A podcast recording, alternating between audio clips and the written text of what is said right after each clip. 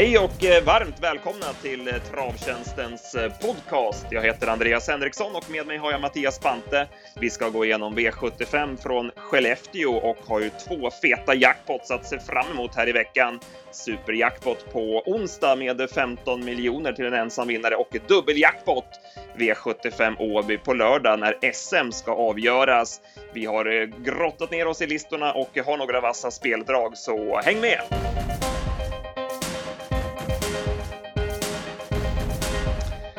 Ja, Mattias, eh, vi börjar direkt med eh, V75 Skellefteå och eh, V75 1 där Robert Berg drog skorna på officer CD och det gav en jäkla effekt. Han såg mycket bättre ut än tidigare. Ja, han gjorde det. Såg riktigt, riktigt bra ut och ja, loppet avgjordes ju i början när han hittade till spets och sen, sen var han ju faktiskt aldrig hotad heller. Nej, vann på nytt banrekord. Det var ju en snabb bana. Det slogs ju flera banrekord eh, officer CD och även Katla Kiro slog ju eh, banrekord utanför V75 eh, och även Cool Keeper i guld. Så det var en snabb bana och officer CD var bra. Det var precis som när han drog skorna på brorsan där, kadett CD, så gav det en riktigt bra effekt även på den här hästen. Annars var det en eh, klart eh, tveksam favorit här i Pastor D. Eh, vi tog ju bort honom på slutspelet på sex hästar och 23 procent var ju kraftigt övervärderat utav spelarna och han var ju chanslös från andra utvändigt. Ja, såg, sågs aldrig med, med chans egentligen och såg ju mest tråkig ut och provstarten gillar jag inte alls när de visade på, på tvn och nej, det var, det var ingen bra favorit. Nej, precis. Och det är som sagt, det gäller ju gäller att våga ta bort favoriter för att bli vinnare i längden på, på, på V75. Eh, Viktor Ruda värmde bra. Han tyckte han gick bra i skymundan i, i vida spår. Eh, även Out of Reach eh, gick, var lite positiv med jänkarvagn och Twins Superior skrev jag även upp. Det kan ju vara tre hästar som man kan passa i alla fall i lite enklare gäng i, i Norrland. Ja, precis. Särskilt Twin Superior gillar jag. Den har ju två lopp i kroppen nu då, så att uh, den är bra. Mm. V75 2 då, Lannem Silje show. Hon var helt överlägsen och precis som förväntat största favoriten på V75, i alla fall sedan man in, införde insatsfördelningen. Ändå tyckte vi att hon var underspelad med sina 90 procent.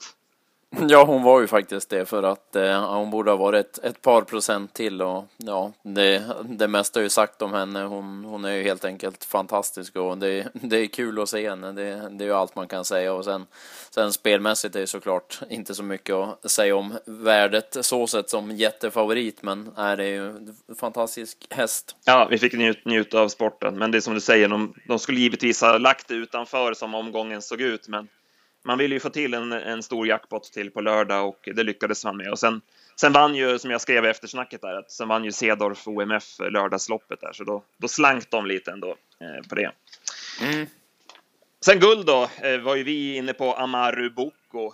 Vi var inne på att han skulle kunna slå eh, Cool Keeper från dödens, men eh, så blev det inte. Nej, det blev inte det och ja, jag vet inte. Berg fick eh, beröm i tv för sin styrning där, att han gick ner i tredje inner och gick ut i andra ytter bakom Cassis Kenta, Men jag tyckte det var rätt kallt. Jag ville att han skulle fram och bomba mot Coolkeeper, men det vart ju aldrig aktuellt. Och så fick han Cassis Kenta i knät och sen var ju som, ja, det blev som aldrig, han fick ju aldrig chansen egentligen att utmana Coolkeeper som dock var fin och vann säkert. Nej, det märktes direkt när han tog ner det tredje invändigt att uh, nej, han, det var inte aktuellt att köra i, i dödens idag. Som, och sen galopperade ju hästen på upploppet där också, så att han, han kanske kände tidigt att det inte riktigt stod rätt till. Eh, cool, cool, Keeper tyckte jag först att han vann lite pliktskyldigt sådär och ja, utan att imponera. Men sen när man kollar tiden att han sprang nytt banrekord så får man väl ge honom godkänt ändå. Ja, jo, men precis, det, det måste man ju göra och Frans Edigull gick ju bra som tvåa.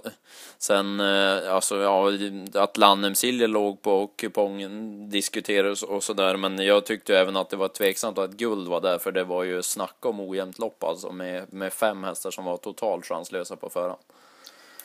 Sen hade vi V75 4, eh, eh, Stig Lindmarks styrkeprov och Altmeister Jan Norberg visade att han duger fortfarande riktigt bra även i V75-konkurrens.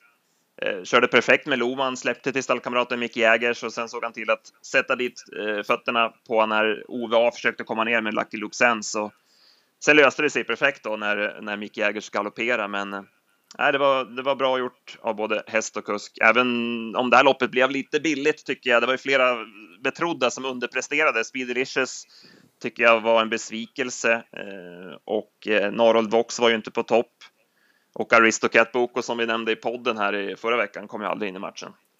Nej, de såg som aldrig med chans, någon av dem, och det blev, det blev helt enkelt långt fram och sen var de inget, inget vidare bra heller. De gick väl okej okay, sådär, men eh, det var ju egentligen Manstones Classic som man tog med sig som nollprocentare som gick jättebra som trea. Mm. Säger en del om loppet också. Eh, V75 5 sen då, eh, favoritseger Titan Lavec som har blivit mycket lugnare och finare med öppet huvudlag och eh, ja, han lever ju på styrkan och passade perfekt på distansen så att han var aldrig riktigt hotad. Tiger Exclusive kom ju upp på utsidan sista biten, men det är som vi brukar säga, Adrian Ship. Hästar går sällan förbi och eh, Tiger är ju mer snygg än att han vill kämpa sista biten som det känns. Ja, han är ju det tyvärr. Det är ju en ruskigt snygg häst. Det är väl en av de snyggare jag har sett på senare år på en bana så där när man började se honom. Men tyvärr är ju inte vinnargnistan lika bra som han ser ut. Det blev mycket drag här på Roxy Ellen med barfota och rycktussar, men hon eh, blev på en tum och galopperade på sista långsidan sedan Lindroth släppt ledningen till Tanlaväck. Ja, hon eh, kom bort där då och sen, ja, det var svårt att spekulera i om hon hade varit med och bjudit strid eller inte, men hon såg väldigt fin ut annars där tyckte jag, så att det var ju lite, lite synd att inte få se vad hon kunde. Och Salong gjorde ett bra lopp. Eh, han ser ju ser mäktig ut i, i biken med Örjan. Ja, han är riktigt bra i bike och sen jag tänker spela Titan Arrow nästa gång. Jag tycker den är rätt bra. Det är en lite bonnig typ sådär, men gör det bra och gick bra i skymundan. Mm. Sen går vi till V75 6 och eh, Erik Adielsson vann med favoriten Sir Atseputs, även om det såg lite körigt ut från början då Tambur tog en längd, men Erik agerade blixtsnabbt och tog ut Sir Atseputs eh, före Melby Apollo och det blev ju helt loppavgörande. Ja, det blev ju det och eh, var nej, snyggt av Erik och syns ju på eh, proffskuskarna att de har ju både en plan A, B och, och C när det, när det är de här bra uppgifterna så att säga. Och, eh, nej, sen blev det ju en tuff öppning och han höll undan knappt så där till slut och blev utmanad, men han, han gick ändå 13 och 4 och gjorde ett bra lopp tyckte jag. Ja, man har väl. Eh, man kan väl inte ha så höga krav på honom. Han är lite överskattad, så Ratseput, så. Eh, ja, precis, han, han vann väl utan att imponera, men eh, gjorde, ändå, gjorde ändå jobbet. Eh, mm. som, du, som du nämnde där med, med toppkuskarna, vi brukar ju ofta säga det att att spika en eh, toppkusk från spår 1 bakom bilen eh, är sällan fel, även om man inte är helt hundra på att de ska hålla ledningen första biten så löser det sig oftast för de här kuskarna. De, som du säger, de har oftast en, en plan B. Sen är Erik också väldigt vass från innerspår bakom bilen, som vi brukar nämna. Eh, Usain Swing är ju kul att se. Eh, man såg reportaget där också som man, de gjorde eh, från familjen där, en riktig familjehäst som går bra varje gång. Och, eh, man gläds ju verkligen med, med familjen Eriksson. Ja, han är, han är riktigt bra Usain Swing och äh, hade ju varit kul om han hade fått vinna faktiskt på, på hemmaplan. Det hade man ju tyckt. Men det lär nog komma någon fler V7-seger så, så bra som hästen. Ja, han ser så himla fräsch och fin ut och det verkar ju funka även med skor. Förut var ju barfota grejen på honom, men eh, nu går han på alla balanser. Det verkar vara biken som har lyft honom rejält. Mm. Sen V75 7 då fick vi dött lopp här och det här blev ju den stora snackisen eh, i eftersnacket. Mr Vox från ryggledaren och open stretch och Redock från andra utvändigt delade på segern. Men eh, vi som har sett det här uppförstorade målfotot eh, och så ser ju att Redock ser i alla fall ut att ha eh, nosen först på linjen.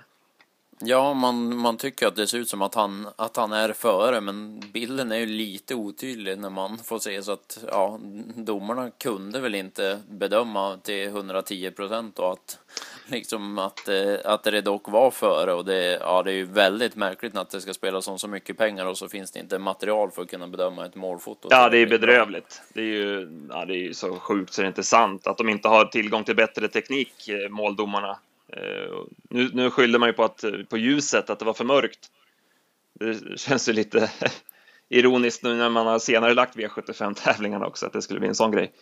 Ja, Men ja, eh, precis, det, man det- måste ju verkligen få till bättre belysning och sen bättre kameror. Jag menar, titta på, har ju friidrotten med de här uppförstorade målfotorna på och även Hawkeye i tennisen till exempel. Du har ju en helt annan teknik där som det känns. Att, nej, det krävs ju bättring och ja, förhoppningsvis kan ju sådana här incidenter då göra att man ser över teknik och, och, och så på banorna. Ja, nej, det får man ju verkligen hoppas för det här är ju för, för dåligt. Så tycker jag att det är så jäkla sjukt att det blir samma utdelning på eh, Mr Vox och Redock. Alltså de, som har, sitter kvar med Redock, de får samma, samma betalt på 7 som de som sitter med Mr Vox. Fast eh, Redock är, han var väl hälften så mycket spelad ungefär som Mr Vox. Mm. Nu kanske det inte spelar någon större roll just i det här fallet, men om du sitter kvar med, en, liksom en, om du sitter kvar med en skräll i sista, en eh, 30-oddsare, och så blir det dött lopp med favoriten, så, så får du dela på, får du samma utdelning som de som har spelat favoriten. Det känns ju helt galet. Ja, det känns väldigt, väldigt konstigt att det... Det har liksom alltid varit allt- så. Jag förstår, inte, jag förstår inte riktigt varför man inte kan få till det riktigt.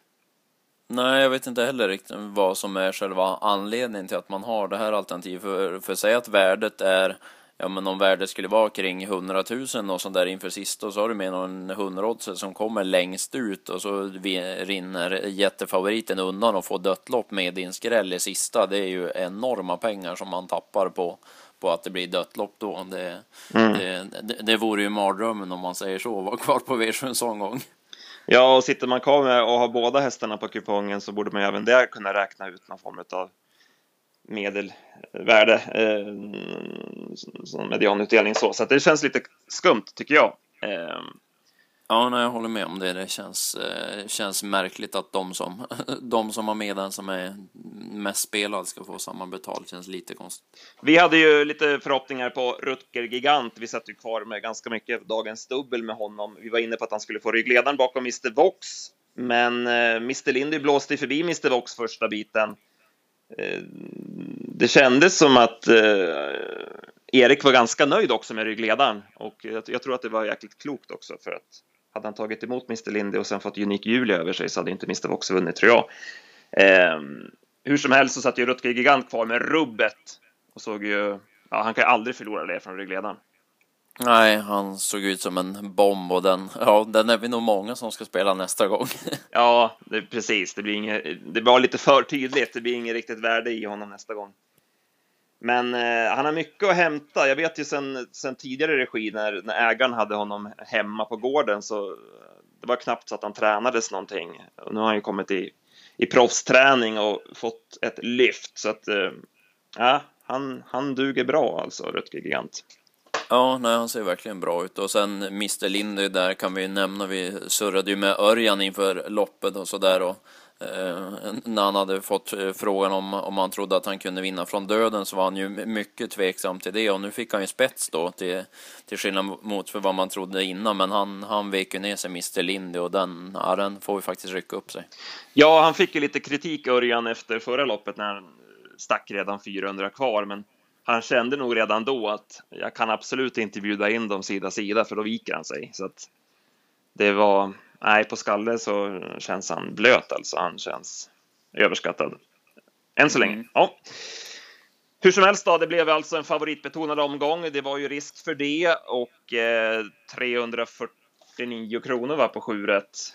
Eh, jag räknar på det, ja. det var väl 35,8 procent i återbetalning till spelarna. Det är ju eh, sjukt dåligt och hade ju varit ännu sämre utan jackpotten. Så att det var kallt, men som sagt, en eh, stor jackpot till lördag. Eh, ska vi börja där kanske? Kolla lite på loppen till eh, eh, SM. Ja, precis. SM och Åby och det blir ju en V7 utan Björn Goop, Erik Adelsson, Örjan Kihlström, Jonny Takter och Johan Untersteiner. Ja, det är ju faktiskt, måste ju vara någon form av rekord. Eh, Men det blir ju spelstimulerande. Det kan ju bli lite eh, vilda västern i loppen nu. Så att, Ja, så dubbla open stretch på det. ja, precis. Badkaret får jobba en del, känns det som. Får- Ja, lär nog bubbla frisk där. Eh, vi börjar väl med eh, stora SM om man säger så. Då. Eh, Ivar Sonna bör väl bli favorit, trots att han nu fick bakspår. Ja, det är väl feelingen att han, att han blir favorit i ett på förhand väldigt öppet SM för många är ju på, på VM-loppet och så där nu och det, det, är väl inte de här allra, allra bästa som är med så att det känns ju äh, öppet på förhand. Det blir väldigt sevärt. Mm. Eh, jag, jag tyckte Boamek gick eh, lite positivt i skymundan senast och det är rätt distans för honom så att det kanske kan vara en skräll. Eh, och, och du funderar lite grann på Kander Hall innan du såg kusken. Ja, jag hade tyckt det var lite hetare om Björn hade kört en, en pappa Olle. Jag hade nog helst sett någon annan, men eh, han är bra Candor Hall och eh, ja, inte helt chanslös tror jag inte. Utan, utan bakskor så flyger han lågt. Eh, sen hade vi ju sto-SM också. Med, ja, det var ett ruggigt lopp du, med Your Highness och Joanna Neona Princess, Amazon Am. Ja, det var ett fantastiskt, fantastiskt bra lopp. Jag, jag tyckte nästan det var bättre än stora SM, säga, när jag eh, smög fram listan där. Och ja, det blir ju ja, intressant att gnugga lite spetsstrid där och sen då de, de som tål att göra lite jobb och grejer. Så att ja, stor-SM kommer ju bli grymt intressant. Har du någon tidig vinnare? Eh, ja, då ska jag väl inte säga med hjärtat då, för Neona Princess är ju min absoluta favorithäst. Så att, uh, ja, jag tror kanske att jag är lite inne på om det blir barfota och grejer på Joanna ändå. Jag skulle nog säga lite att det lutar åt henne om jag ska säga någon nu. Mm, okay. Då säger jag Your Highness. Jag tycker hon gick så bra, eh, bra slutvarv senast. Och Jeppson är duktig och lite underskattad som kusk också. Mm. Uh, Usain Henna nämnde vi i podden efter, uh, efter senast. Han gjorde ett ruggigt bra lopp då och verkar vara tillbaka i gammalt toppslag igen. Uh, han startade i V75 6, bronsdivisionen från spår 6. Känns, känns väl spontant som att han borde duga bra där, även om han möter Skrine Lewis. Men han fick ju bakspår här. Ja, precis. Så att, eh, nej, eh, var en sån där första tanke som dök upp ju Sein henne och sen har jag en till som vi har nämnt i podden tidigare i lärlings-SM där. Eh, så startar ju Come On Hill med Ville Karolak i sulken. Han satt ju fast där på Bergsåker när vi skrällvarnade för Come On Hill och han är ju startsnabb och open stretch nu så han borde inte sitta fast så att Eh, det var väl också en sån där tidig idé som man fick. Sen får vi se vad en sån blir sträcka på. Det kan nog bli ja, allt ifrån låg procent till rätt hög procent. Ja, precis. Vi får plugga på här i veckan och ringa runt lite till tränarna och kuskarna och se vad vi får fram för information. Men mycket intressant omgång i alla fall och Åby gillar vi ju. Det brukar kunna bli hög utdelning med riviga lopp och open stretch. Så att, eh, ja, det ser vi fram emot och vi släpper ju tipsen som vanligt på fredag klockan 15 på travtjänsten.se. Vi börjar även snacka upp då V86 eh, superjackpotten där, 15 miljoner till en ensam vinnare. Och eh, Daniel Redén startar ju sin mycket intressanta fyraåriga jänkare Marcel Hillsonen Propulsion som vi såg i banjobb på Valla här för ett par veckor sedan. Gick 11 och 8, 1600 meter ensam och eh, övertygade verkligen. Det såg ut att vara en ruggigt bra häst. Eh, så att eh, han har ju bara 600 000 på sig också, så att han står ju bra inne i, i klassen. Så att spontant känns väl han svårslagen i V86 2. Sen får vi även njuta av Nuncio igen. Eh, ja, fan, fantastiske Nuncio, så att eh, det är väl nästa som, som blir jättefavorit. Men eh, du hade sett Little Brown Fox där också va? Precis, eh, i kvalet tyckte han var positiv, gick 12-8 sista varvet. Eh, han, han rör ju inte Nuncio, men nej, han är på gång nu igen, Little Brown Fox. Eh, Redén har ju snackat sig varm om honom tidigare och nej, nu verkar han vara på rätt väg igen. I övrigt så får vi även se uttagningslopp till Europaderbyt. Vi har ju sett franska, franska mm, uttagningsloppet där Bold Eagle övertygade stort. Ja, han är eh, grymt bra Bold Eagle och eh, ja, kommer ju, kommer ju bli något extra att se i finalen definitivt och var väl ett rätt, rätt hyfsat gäng ändå trots att det bara blev sju hästar i försöket på V86 där nu. Precis, precis. Eh, och ja, jag är väldigt svag för Als Winner med alltid gillat den hästen. Han har ju haft lite problem med fräschören ibland och tappat travet sådär till slut och i sista sväng, men nu har han sett riktigt bra ut i två raka segrar och Jorma Kontio kör. Eh, han möter ju bra hästar i Orion till Emmet Brown, Flex Lane. Men är äh, ändå feeling för Als Winner med, med den kurvan som han har för dagen. Så att, det, det, är min vinnare i V86 6. Mm. Så det var väl allt vi hade därifrån. Ehm, som sagt, vi, vi grottar ner oss nu i arkiven och, och jobbar vidare, så hoppas vi på skärpning här nu eh, vad gäller målkameror och belysning på banor och, och så vidare. Så att det är så mycket pengar att köra om och så, så att vi får rätt förutsättningar framöver. Ja, de kan gärna få slipa till hemsidan på ATG också. Den är ju hemsk att jobba i, så att eh, den kan de ju också jobba på. Det är bra det. Eh, tack för idag Mattias. Tack själv. Tack för att ni har lyssnat. Hej hej.